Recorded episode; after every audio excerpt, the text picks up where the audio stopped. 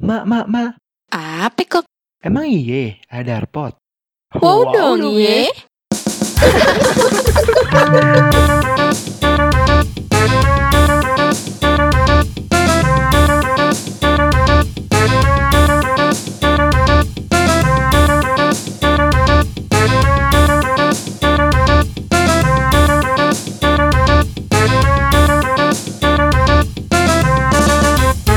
Darpot. Darsana Podcast. Halo guys, ketemu lagi bareng gue Tokok dan partner gokil gue Arlan, di Darpot. Darsana Podcast. Oke deh. Lan, berarti ini kali kita kedua podcast ya. Yo, ini kedua kalinya gue podcast, jadi gue masih baru di sini. Asik. Gimana nih podcast kali ini? Udah prepare? Ya, prepare a little bit lah. Asik. Oke, kok. Jadi kali ini kita ngobrol-ngobrol sama siapa nih? Ada nih. Nah, kemarin kan kita kan ngomongin tentang sosial media marketing ya. Eh, Yoi, digital marketing, man. digital marketing. Nah, digital marketing. Nah, kalau ngomongin digital marketing, berarti kait eratannya tuh dengan kreatif ya nggak sih? Yoi banget. Apa yang industri kreatif kan Mm-mm, industri kreatif nah ngomong-ngomong nih tentang industri kreatif eh lu juga kan bergerak di bidang industri kreatif kan kita Kita, kita, kita kan industri kreatif kan. Nah menurut lo perkembangannya gimana sih? Menurut gue perkembangannya makin ke sini makin penting gak sih? Kayak apa pun sekarang dilihat makin keren aja gitu yang dilihat di internet. Iya kan kayak lihat Instagram gitu orang-orang makin kreatif. Lihat eh, apa misalkan editan-editan orang foto-foto orang gitu kan. Tapi kan sekarang zamannya TikTok kan. Kayak orang bikin Iya. video bikin transisi kreatif banget gitu kan Kreatif kok. Kalau nggak kreatif barangnya nggak laku kok. Nah, itu dia. Berarti ada orang dong di balik semua itu. Pastinya kita-kita ini gak sih? Asik. Selain kita nih, berarti kan ada juga nih yang disebut dengan pelaku kreatif. Asik. Apa tuh kok? Nah, jadi nih kalau gue baca-baca nih, kalau dari Wikipedia, jadi katanya eh, pelaku kreatif ini adalah orang-orang yang bekerja di bidang industri kreatif. Oh, kita-kita ini dong kok. Iya makanya nih makanya kayak ya, lu lihat nih di IG foto-foto keren-keren atau nggak iklan brand apa terus video apa gitu kan nah itu ternyata ada eh, apa ya orang yang berjasa di belakangnya kayak gitu Iya, oke. yang oke. disebut dengan pelaku kreatif Ngomong-ngomong pelaku kreatif, kita ada kedatangan tamu kan? siapa tuh Nih ada dua temen gue nih di sini nih. Ada si si Ripki nih. Lu, lu buat temen lu juga nggak? Wih buat temen nih ini Siapa jago tuh? banget nih retoucher terkenal asik Ah, gokil. Siapa tuh? kita panggil aja langsung ya ini dia Fuad dan Rifki hello Halo, halo, halo. Halo, halo, Yo, halo, man? halo, Hai. halo. asik Apa asik kabar? Mas Halo. Fuad suaranya menggoda sekali ya. Iya nih, keikutan sama Oppo. gila bener-bener lo ya apa kabar nih kalian guys Baik. Puji Tuhan, alhamdulillah sehat. baik. Alhamdulillah baik ya. Lu gimana Rifki? Baik Rifki. Sehat, sehat, sehat. Gimana nih kerja WFH? Menyenangkan apa enggak nih? Wow, sangat-sangat menyenangkan. Asik. Ah, Bisa bangun siang. bohong nih kalau Mas Fuad gitu. Wah, saya sangat-sangat menyenangkan. Saya bisa rebahan, saya bisa ngedit Wis. sambil jongkok, Asik. sambil ketiduran. loncat. Asik. Banyak. Gokil. Kalau Ripki gimana nih? Enak lah. Bisa bangun siang. Itu emang lu banget. Itu emang lu banget ya. Ya, emang Ripki banget Kagak, sih itu. kagak, kagak usah telat datang ke kantor. Gak usah mandi ya. Kagak usah mandi itu. Ya ampun. Gua mandi bisa Nggak sore. mandi-mandi lu, Ki. Mandi tiap mau asar sama sore sama maghrib. Oke, oke. Yang penting lu mandi lah ya. Asik. Masih lah. Oke, jadi teman-teman, Fuad sama Rizky ini adalah eh, seorang image spesialis di sana sama kayak kita. Nah, so, kalau soal kemampuan, aduh, jangan diraguin lagi deh. Mereka tuh kemampuannya di atas rata-rata, iya nggak sih? Oh pasti kok editan gue mah ya nggak ada apa-apanya sama dia. Iya, iyalah. Asik. Buset gila. tuh kan. Suhu. Udah berbicara dia. Makanya guys, kita undang mereka tuh sebagai pembicara Darpot buat ngomongin pelaku kreatif. Nah kalau dari kalian nih gue pengen tahu nih fun fact fun factnya nih, fun factnya dari Rifki dulu dah. Rifki apa nih? Nggak ada yang lucu dari hidup gua sih. Hmm? Apa? Lo mau berharap apa dari hidup gua anjar? Fun fact, fun fact Ki. Fun fact lu nggak berharap hidup apa apa? Ki, Ki, Apa apa? eh, katanya nih, lu bisa ngelihat setan. Yang gue tahu nih, katanya lu pernah ngeliat setan kan? Pernah melagokin setan. Bener nggak sih? Oh. Iya iya, kenapa kenapa? Apa itu pas lu lagi ngaca ketemu anjir setan gitu atau gimana? itu dia sendiri. Kagak. Oh, Bukan bukan. gimana gimana tuh gimana tuh? Cerita standar lah. Gua kan kontraktor. Mm-mm. Emang tukang kontrak dari dulu. Sih. Pernah tuh kontrak di satu rumah Heeh. Kontrak. yang katanya horor. Mm-mm. Waktu di situ emang sering sih kayak cuman yang ngerasain cuman gua doang kan. Mm-mm. Jadi gua nggak bisa ngonfirmasi itu bener apa enggak. Nah, pas kebetulan sepupu gua lagi nginap, terus eh, yang di rumah pada lagi pada nggak ada, lagi pada kerja, lagi pada catering, eh sempat ada kejadian. Nah, waktu itu kan gua lagi ini kan lagi apa? Di rumah gua lagi kosong. Mm-mm. Cuma gua ada mas, cuma ada gua sama sepupu gua Mm-mm. di rumah tuh. Mm-mm. Nah, waktu itu malam-malam tuh lagi main PS. Mm-mm. Lapar kan, bikin makan. Terus bikin mie. Ceritanya bikin mie nih. Eh terus terus. Pas gua pas gua lagi masak, ah, biasanya kalau misalkan yang gitu-gitu kan di ujung mata kelihatannya ya. Iya iya. Iya di mata. Pas waktu gua lagi masak tuh kayak lagi kayak ngerasain ada yang lagi ini ucang-ucang kok Apa tuh ucang-ucang kak- kakinya yang goyang-goyang gitu ucang-ucang apa sih bahasa Indonesianya Ojang angge gitu ya? angge-angge iya ucang-ucang angge-angge Iya, ojang itu kayak kakinya tuh ini guys gerak-gerak gitu loh kalau di pohon, gerak-gerak gitu kan. di rumah gua yang dulu tuh dapurnya atasnya bolong Serem Hmm. amat. jadi pas dia Itu rumah atau apa, Ki? Rumah apa lapangan? nggak tahu gak jelas belakangnya juga kayak rumah hancur gitu Hmm. terus waktu gua lagi masak mie nih kayak pas gua lagi lagi ngeliat ke bawah lagi ngeliat ke mie Iya. kayak ngerasa di atas tuh ada yang lagi gucang-gucang gitu kan. Heeh. tapi di ujung mata gua sepupu gua kan penakut banget kan. Oh, lu Penakutnya penakut, penakut. lu penakut. enggak sepupu gua kan penakut Ah, banget kan. Heeh. penakut banget kan orang. Gue punya ide nih apa? Pas lagi dia masak gue umpetin ini saringannya. Saringannya gue umpetin. Pas giliran dia masak eh ternyata dia ngerasa juga kan. Mm-mm. gue buru-buru kabur ke depan tuh ninggalin dia sendiri di dapur sempat marah-marah gitu kan teriak-teriak pas gue balik dia lagi repot apa namanya nyari saringan nggak ada terus pakai ini tau nggak kok dandang nasi pas lagi nyaring numpahin apa numpahin mie nya tangannya kena kena air terus gua ngerjain sepupu gua Oh, lu Gitu doang intinya. lu. Emang lu berarti tipe orang jahil kali ya? Ngapa Iya, iya. takut, jahil, tukang tidur kali ya? kayak lu aja gitu sampai gua tinggalin emang, emang bener-bener lu. pada gua tinggalin pas lagi tidur di stasiun Parah banget Parah emang. parah emang. Bener-bener. Temen tahu diri Nah, ya. kalau iya nih, kalau fun satu lagi nih, Bang Fuad nih. Apa tuh? Katanya gue Ini denger lebih denger ke ini ya dia orangnya pemikir banget nih ya. cemerlang gitu ya. Kayaknya kalau lagi dia mikir gitu. Iya ya. Apa ini gitu ya, bikin Mikir, hal baru apa nih gitu asik. Iya nih Apa sih guys. Akhir-akhir ini gue bisa dibilang thinker ya. Doyan Asik. mikir. Mikir apa nih? Jadi otak gue tuh selalu kayak pengen create something lah, create something, create something gitu. Asik. Bikin apa nih? Bikin Bayi, oh ya. Bikin baik. bayi. Emang kebetulan emang WFH ini rezeki gua ya kan. Kita lagi ya. nggak pusing-pusing amat kan harus naik kereta, naik KRL empat Iya bener banget. Nah tadi kan kita sempat ngomongin tentang industri kreatif kan. Nah jadi teman-teman guys, mereka berdua ini adalah para pelaku kreatif nih. Sekarang kita mau ngegibah nih tentang eh, para pelaku kreatif. Apa aja sih yang ada di eh, pelaku kreatif itu? Nah ngomong-ngomong nih, Kalau dari kreatif nih, Gimana? pasti kan sering ketemu Mm-mm. deadline gak sih kok? iya bener banget, Nah, sering banget. Every day is deadline. Asik, iya bener banget tuh. Nah, setuju nggak tuh kalau deadline itu eh, waktu-waktunya inspirasi lagi banyak nggak sih? Coba coba eh, siapa dulu nih? buat dulu dong Oh enggak, oh enggak, saya sangat tidak setuju. Saya sangat tidak setuju karena deadline itu di mana saya membayangkan bahwa rupiah akan datang ke dompet saya. Buset. Kalau dolar gimana deadline. Ya kan dolar, kalau dolar kan tinggal kita konversi aja ke rupiah. Oke.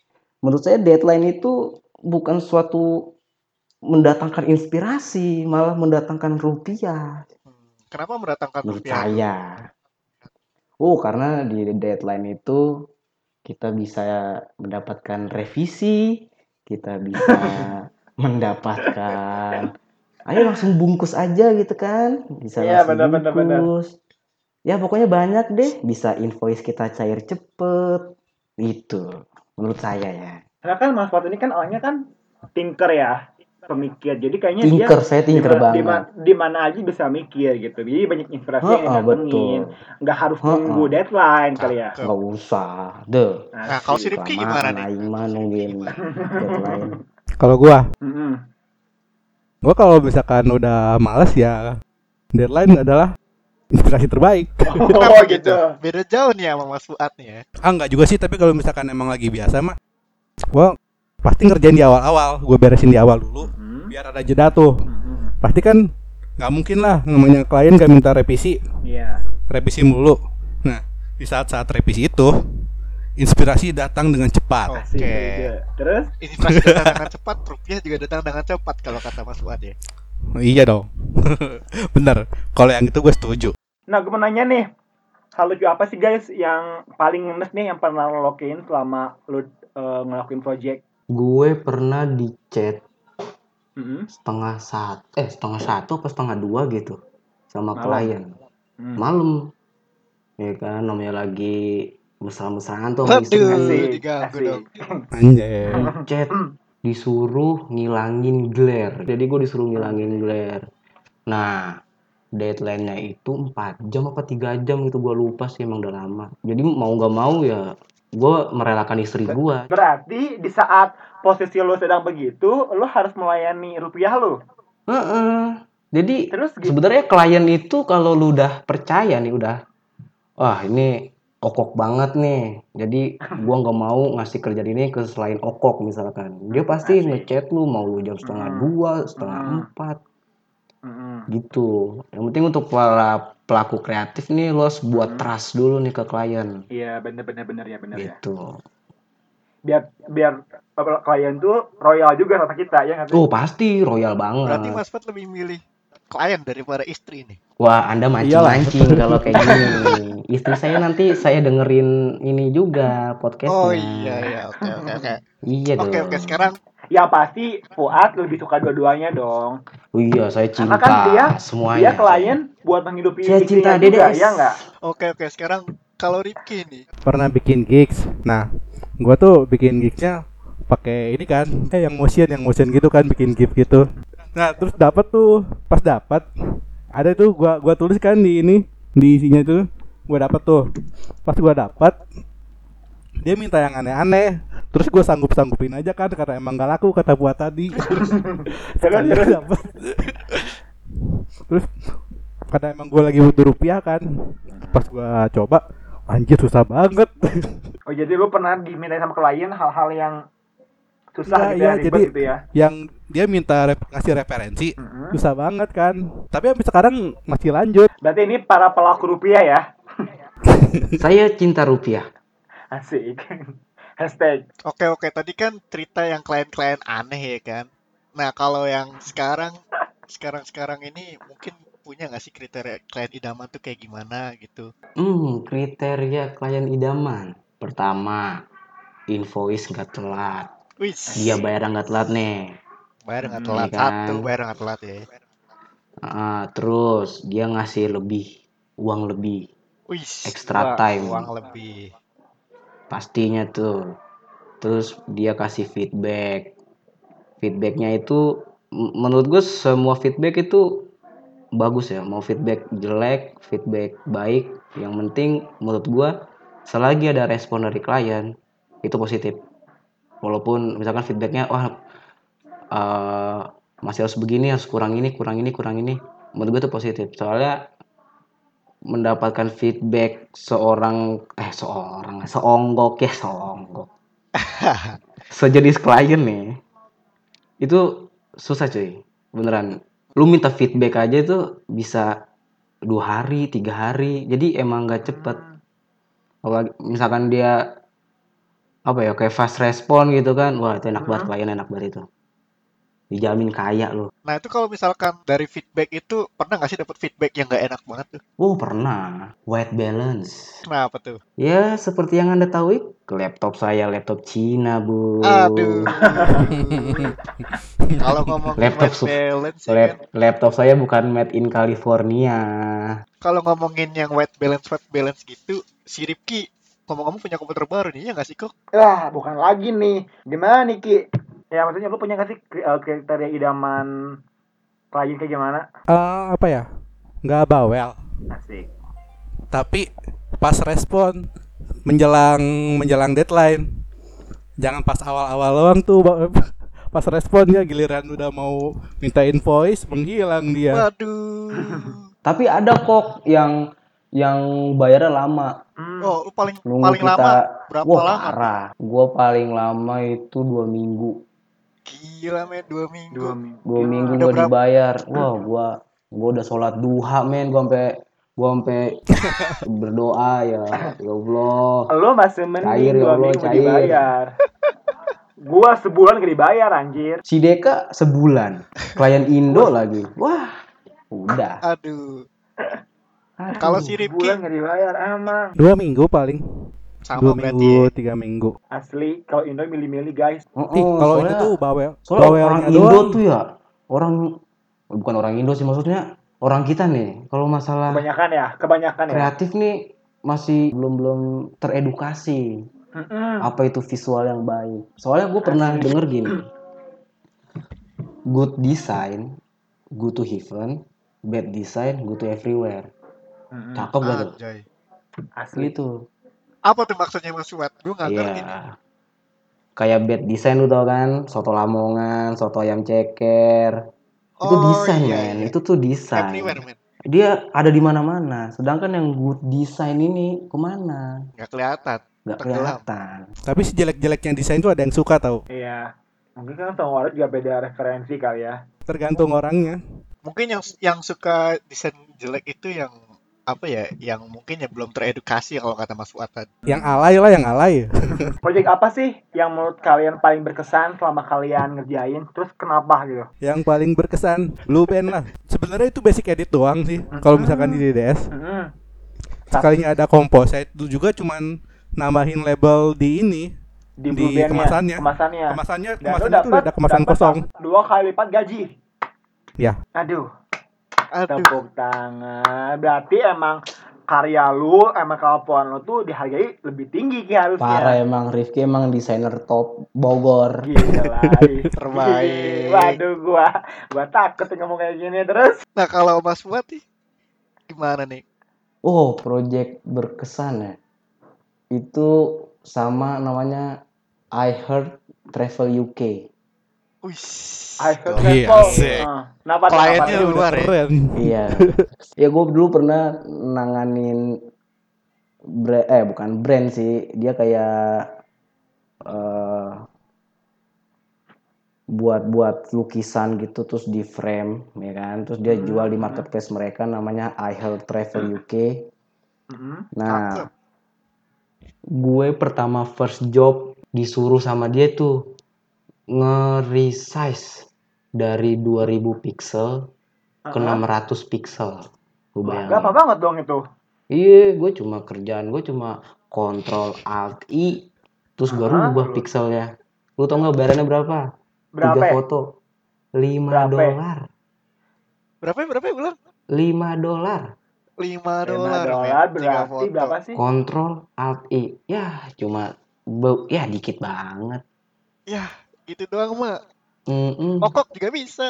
Ya, Iya. handphone juga bisa kagak tuh. Tapi Lah iya. tapi yang yang yang yang buat gue berkesan adalah sampai sekarang pun berlanjut. Jadi Oh, nggak cuma nggak cuma apa namanya nggak doang. cuma eh Nge-resize doang. resize doang. Sekarang udah kayak Wih, sudah ke mana-mana ya. dia replace ya kan replace background juga ya kayak di Darsana juga Macam-macam harga deh sampai naik sekarang. dong. Tapi harga naik dong. Oh harga harga naik harga naik Harga naik. Harga naik. Gila, Mas Fuad ini banyak banget kliennya ya. Ya, Kok alhamdulillah. Kita harus banyak belajar nih dari mereka nih kok. Alhamdulillah Berarti kalau saya. Emang kliennya pada eh, puas deh sama kerjanya Mas Fuad, kerjanya Rifki. Gila, bayarnya aja gede-gede, coy. Parah men. Ini kayaknya konteksnya ria semua ya. ya, lu tahu lu, lu tahu Konteksnya pada duniawi gimana. semua. Konteksnya pamer. selama kalian ngedit nih, selama kalian jadi pelaku kreatif, pasti nggak cuma edit foto, cuman kayak retouch atau uh, retouch atau potong doang atau main label. Pasti kalian pernah kayak bikin uh, font, quote gitu kan. Hmm, hmm. Mm, Ya, ya, ya, ya. Nah, ada nggak sih font yang paling lo benci dan kenapa sih? Coba deh Rifki, kenapa tuh? Jokerman. Kenapa tuh Kayak, kayak gimana tuh? Kayak gimana tuh? Kayak apa? Kayak gimana apanya? Kayak mie. Kayak mie. Kayak. Bentuknya kriwil-kriwil bentuknya. Jadi lu nggak suka karena bentukannya kayak mie gitu? Bentuknya kayak mie murahan. Murahan, asik, gila.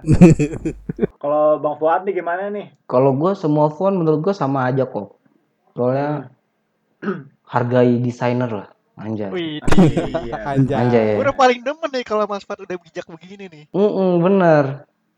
Soalnya lu mau nggak ki nanti gua, ah gue nggak suka pakai fontnya si Rifki gendut gitu Gua fontnya bikin font. lembek ya udah gendut lembek kan gak enak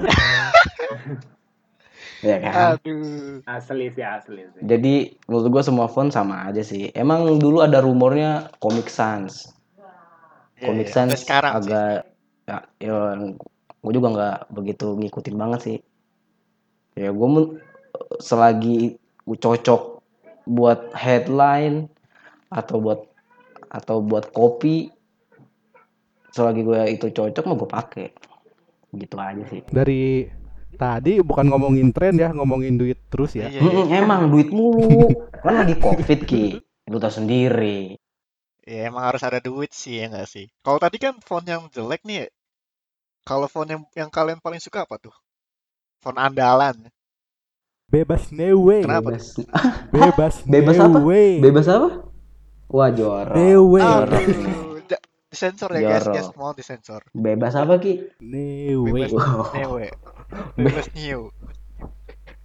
Oh, bebas newe, ew. newe. parah Kayaknya jorok emang banget nue ya. jorok Ini ya. Ini ya.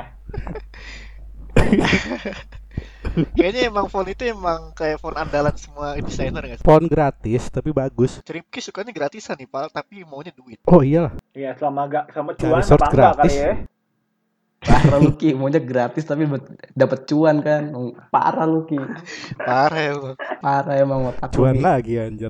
Menurut kalian nih, tren kreatif apa nih yang akan booming nih di masa depan nih? Kan kalian nih sebagai pelaku-pelaku kreatif nih, pasti se- up to date terus dong. Enggak, gue jarang update. Kata siapa? Ya, coba menurut lu dah. Setahu banget lu. sekali anda jujur banget lu Oke deh. Kalau Fuad nih yang paling up to date nih. oh saya nggak pernah update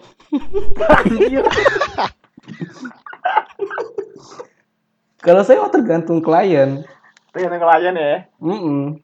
Maksudnya update ya update baca lah. Maksudnya oh nanti nih dua, ri- eh, 2020 nih trennya kayak gini.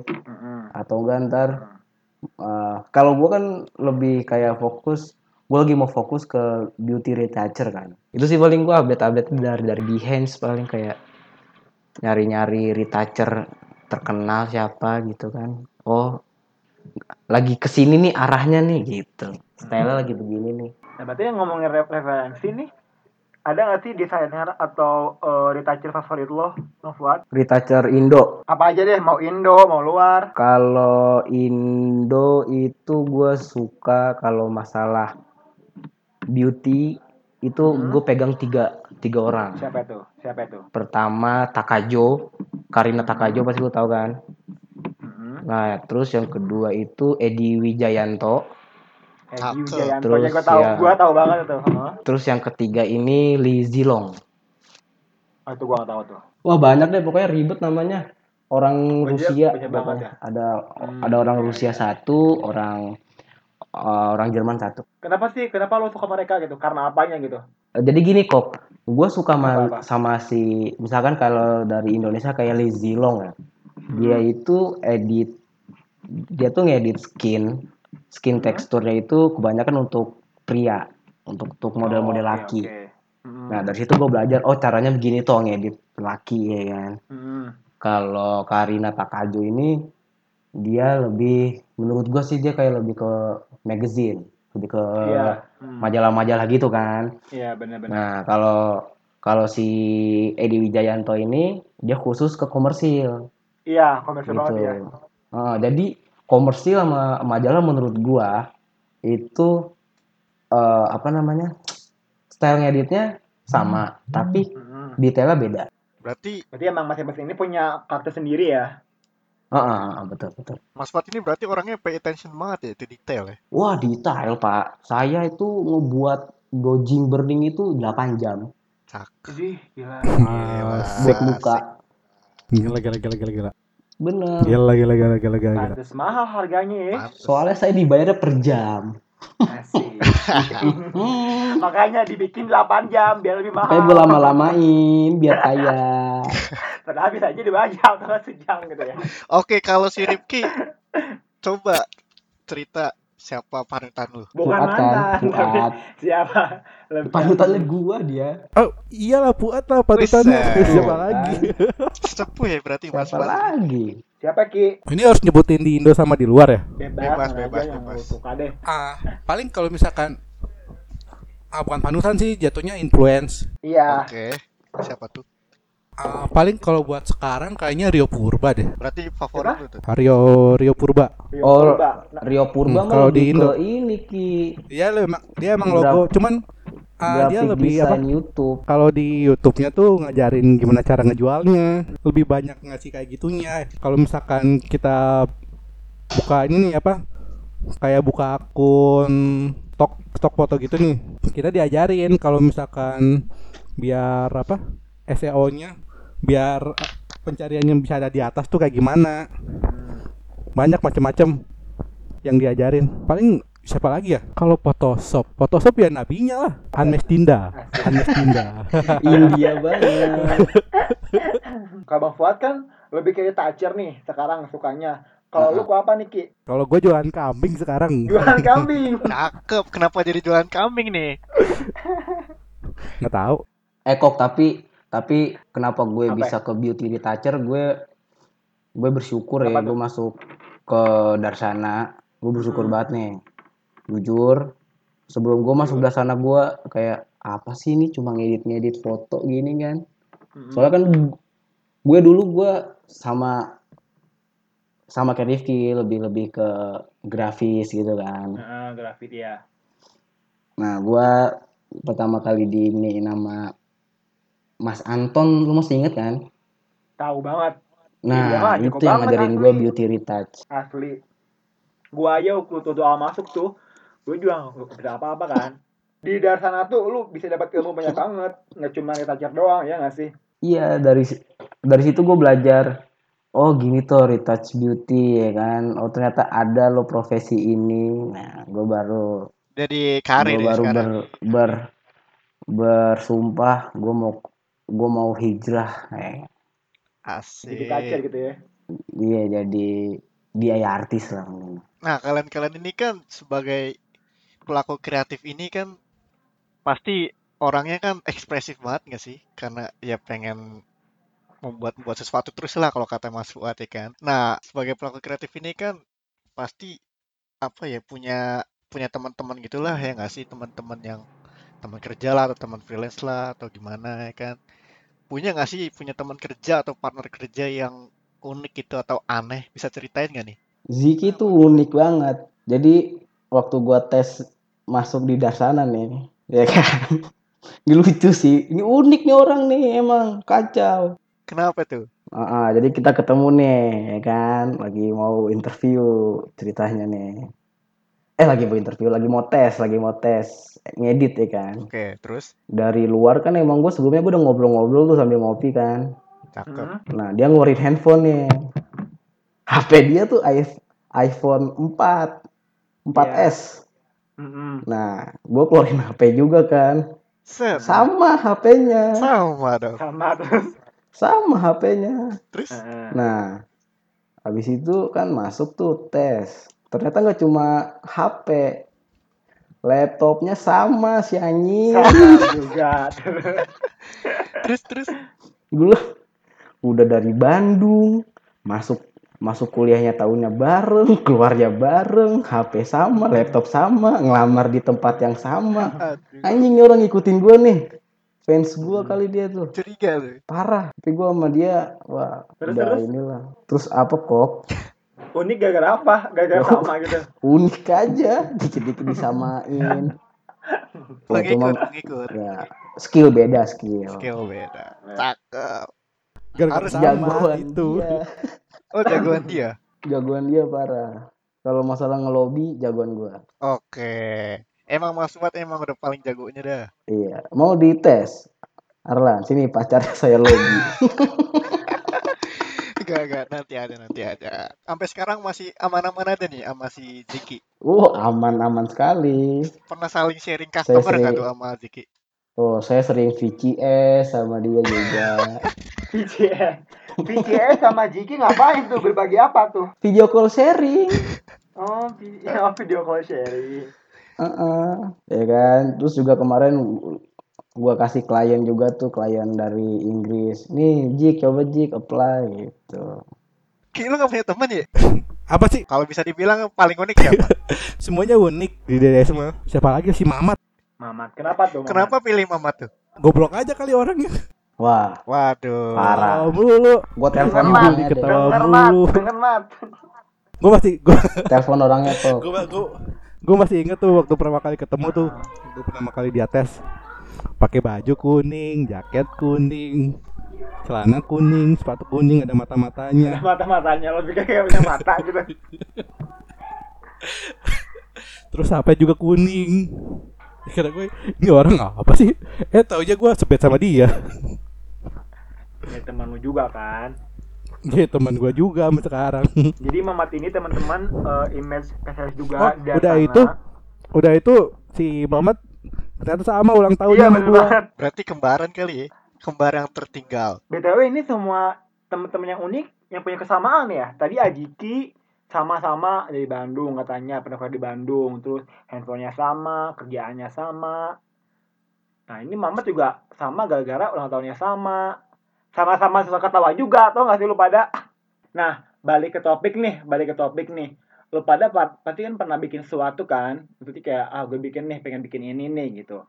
Nah berarti itu kan disebut dengan originalitas atau enggak sih?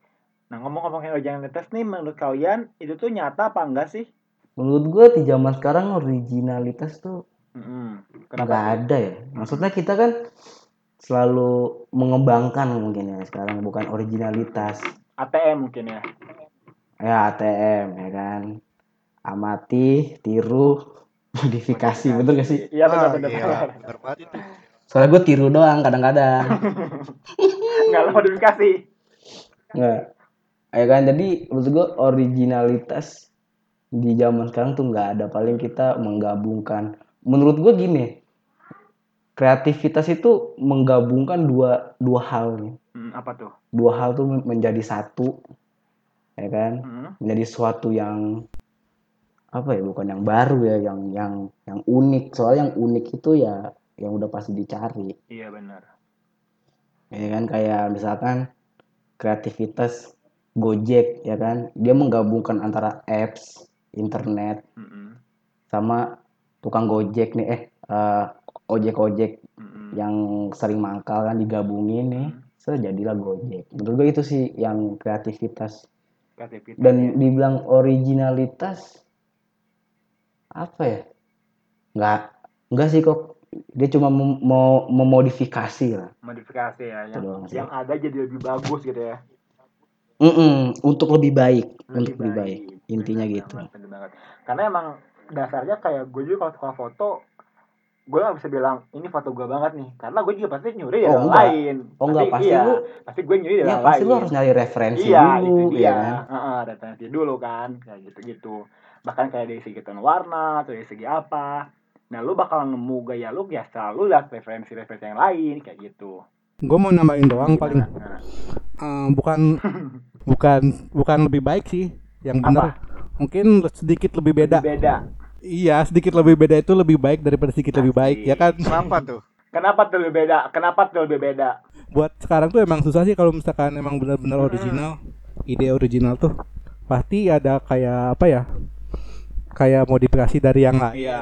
kayak dicampur-campur gitu Nah, terus kalau misalkan kalian-kalian ini kan sebagai pelaku kreatif atau ya pekerja desain, pekerja kreatif, itu bener nggak sih kalau misalkan buat jadi desainer yang baik dan bagus itu harus memiliki background pendidikan yang sejalur gitu? Menurut gua pendidikan penting. Penting. Ya walaupun ada yang bilang otodidak lebih lebih baik gitu kan. Yang bilang sih gitu otodidak lebih baik tapi di zaman sekarang pendidikan ya nomor satu. Soalnya kalau dari pendidikan itu lu lu juga bakalan dapat ilmu dasar ya kan. Iya. Ya, kalau lu secara otodidak ya paling lu cuma dari mulut ke mulut atau dari YouTube ya kan atau dari buku. Nah, ilmu mendasarnya itu masih kurang kayak misalkan DKV itu kan ada namanya nirmana dua dimensi, tiga dimensi ya kan. Itu dasar banget tuh tuh basic basicnya desainer lah. Itu yang yang nggak didapetin sama orang yang nggak belajar desain secara keilmuan gitu. Tapi kalau ngomongin pendidikan sejalur, si Okok ini pendidikannya nggak sejalur nih. Enggak, jujur gue sejalur. Masih sejalur. Gue enggak nggak sejalur. Gue tuh suka foto tuh gara-gara emang emang emang dari kecil gue suka tapi gue suka di foto kan. Ya. tapi lama kelamaan kok gue suka moto gitu ya. Nah terus pas dari SMA pas masuk kuliah akhirnya gue masuk kuliah tuh jurusan keuangan. Tapi gue tuh ik- ikutan eh, apa ya kayak ekskul gitu ya UKM lah. UKM-nya tuh tentang fotografi. Dan situ gue mulai belajar. Mungkin belajarnya nggak belajar yang eh, bener-bener belajar karena gue belajar kan dari orangnya langsung kan. Mungkin bisa bilang kayak otodidak kali ya. Yang gitu sih. Tapi ya dari situ sih eh, alhamdulillah gue bisa kasih duit. Alhamdulillah Alhamdulillah. alhamdulillahnya. Tapi kalau misalkan buat sekarang nih eh, nggak cukup dong. Kayak cuman kita bisa satu doang tuh. Kayak kita cuma bisa desain desain doang. Kayak desainer juga kayak sekarang tuh harus kayak harus bisa marketing buat masarin ininya karyanya buat masarin dianya sendiri buat personal branding lah. Harus tahu marketing juga. Jadi kayak kalau misalkan buat bertahan di industri kreatif 4.0 sekarang tuh pengetahuan kita tuh harus kumulatif. Iya, ya. nggak nggak cuma satu doang. Oke ini, kan sekarang kalian bekerja di bidang kreatif nih. Nah buat buat ke depannya nih, apakah bakal kemungkinan kalian bakal nyobain hal-hal baru selain di bidang kreatif? gue lagi nyoba yang baru kok jualan kambing Oke. Jualan bagus, daging. bagus. Gue mau nanya dong sama Rifki, Mm-mm. lu jualan kambing terus kambingnya lu replace background gitu, lu flat lay. coba coba coba misalkan lu nih, coba Ki, misalkan lu adalah partner selfmade nih, lu jualan kambing. iya terus terus lu minta kan sama sama BVS, eh tolong Gua dong mintanya yang nih, nanti. kambing gue mau di flat lay, di marble. Lu kenapa milih menju- menjual kambing Ki? Kenapa Ki? karena ada, ada kesempatan kalau misalkan ada kesempatan ya ambil aja Ah, gini gini Ah, nelayan itu nggak nyebar jaring di satu tempat jadi kita harus nyebar jaring di sini di sini di sini di sini di sini Lu At gimana Bang Fuad? sambal muda gimana Ah, ya sambal gue denger denger Iya, Mas sambal Wan muda jualan kan juga sambal kan ya. itu kan? Oh iya sambal muda itu hasil jogresan ibu saya dengan istri saya. Cakep. Gitu. Jadi mereka punya ide kan. Kebetulan nyokap gue gabut. Mm-mm. Nah gabutnya dia tuh sama kayak gue tinker juga mikir juga. Mikir. Nah terus dia pengen buat kayak sambal gitu. Udah akhirnya gue bantuin lah secara promosinya gitu. Dan promosi sini juga ya. Iya pasti promosi sambal muda guys. Add sambal muda underscore. Cakep. Coba dong kasih tahu eh, tips and triknya buat masuk ke bidang kreatif cobain semuanya dan semuanya. Ada platform freelance baru cobain. Misalkan lu baru tahu apa nih kayak oh di Shutterstock bisa jadi bisa jadi kontributor. Cobain Hmm. aja lu masuk masukin aja terus di Pripik nih cari tahu aja uh, trial and error lah. Oh gitu. terus mm, lu cobain juga kayak kerja di agensi kayak gimana di korporat kayak gimana di lapangan kayak gimana kerja di jalan kayak gimana cobain aja semua Cobain semua. Karena ada pepatah juga mengatakan trial and error you never know. nanti bakal belajar sendiri kok Asik. Sama kayak ini ya, pepatah mengatakan you never know if you never try. Asik. Lu gak akan tahu kalau lu gak pernah nyoba. Asik. Terus kalau lu Fuad, apa tips and triknya? gue konsisten Konsisten. konsisten kalau lu mau berkecimpung ya berkecimpung kalau kalau lu pengen masuk ke dunia industri mana pun lah kalau lu udah niat mah lu konsisten Hmm, bener-bener. pelajarin terus kalau lu dari awal mungkin ribet nanti nemu shortcut shortcut yang mungkin lu nggak tahu lu pelajarin terus intinya sih lu konsisten Dia Terus- konsisten ya. perlebar networking Hmm. Is. Bener ya itu kan juga termasuk investasi lu networking Wah, seru banget ya ini ya, Mas Fuad sama Rifki mencoba yang dapat. Berarti suka duka pelaku kreatif itu emang beragam ya guys. Mulai dari senengnya ya, misalkan kayak kerja jamnya fleksibel, networkingnya luas, terus sampai wadah mengembangkan diri juga banyak gitu. Ada juga nih kayak masa-masa dukanya, misalkan kayak lu sering lembur lah, atau mungkin kayak tadi Mas Fuad nih, lagi malam bermalam dengan eh, istrinya, terus kliennya hubungi minta revisian, atau enggak sampai invoice telat balar kayak gitu-gitu kan itu tuh duka-dukanya tuh Nah, tapi mungkin sebagian besar dari kita setuju kalau dunia kreatif itu nggak akan pernah mati. Buat Iya, kalian benar. yang ingin memiliki karir di dunia kreatif, siapkan mental yang kuat, beri ruang yang banyak untuk berkreativitas dan juga energi yang mencukupi. Jangan lupa imbangi selalu dengan olahraga dan makan teratur, maka kalian akan siap bekerja di industri kreatif. pokoknya teman-teman kalau pesan dari eh, Bang Fuad sama dari Rifki tadi terus aja fokus apa yang kalian lakuin kalau bisa mungkin kalau penasaran sama yang lain boleh coba tapi eh, berusaha apa namanya konsisten nah konsisten Konsisten terus selalu coba hal-hal yang baru ya kan, kayak si Rifki ini. Mm-mm, up to date juga mungkin ya oke thank you banget deh buat Bang Fuad buat Rifki yo yo, Thank you yo. banget Oh, nih buat iya, kalian iya, yang udah banyak share-share nih. sama-sama semoga juga para Mm-mm. uh, pendengar Risa juga pada dapat ilmunya ya amin ya Iya, sukses terus Mas Wah, Amin. sukses terus sukses Rifki. terus ini pokoknya buat teman-teman nih sukses juga buat kalian Asik. Asik. oke thank you juga buat teman-teman yang udah dengerin Terima kasih udah dengerin di Darsana Podcast ini di Darpod. Nah sana podcast Goodbye. see you guys